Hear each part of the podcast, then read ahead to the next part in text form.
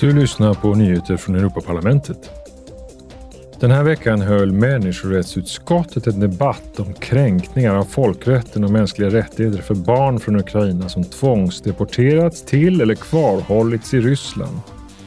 Sakkunniga sammanfattade den senaste utvecklingen för parlamentarikerna och gav dem förstahandsinformation direkt från fältet. Utskottet fokuserade också på ukrainska civila som olagligen fängslats och torterats i Ryssland och de ockuperade områdena i Ukraina.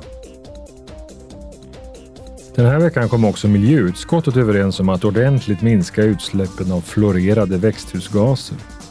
Det är ytterligare ett steg på vägen mot EUs klimatneutralitetsmål. Ledamöterna vill att EU snabbare ska nå hållbara lösningar och senast 2050 ska vi helt ha fasat ut fluorklorväten.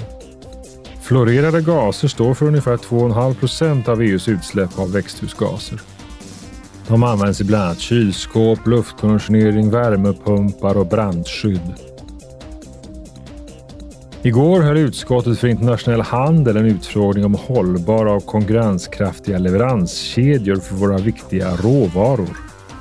Långsiktiga och stabila globala leveranskedjor har blivit ett av de viktigaste målen för att EU ska uppnå strategiskt oberoende.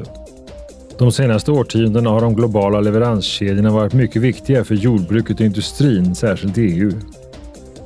Du har lyssnat på nyheter från Europaparlamentet.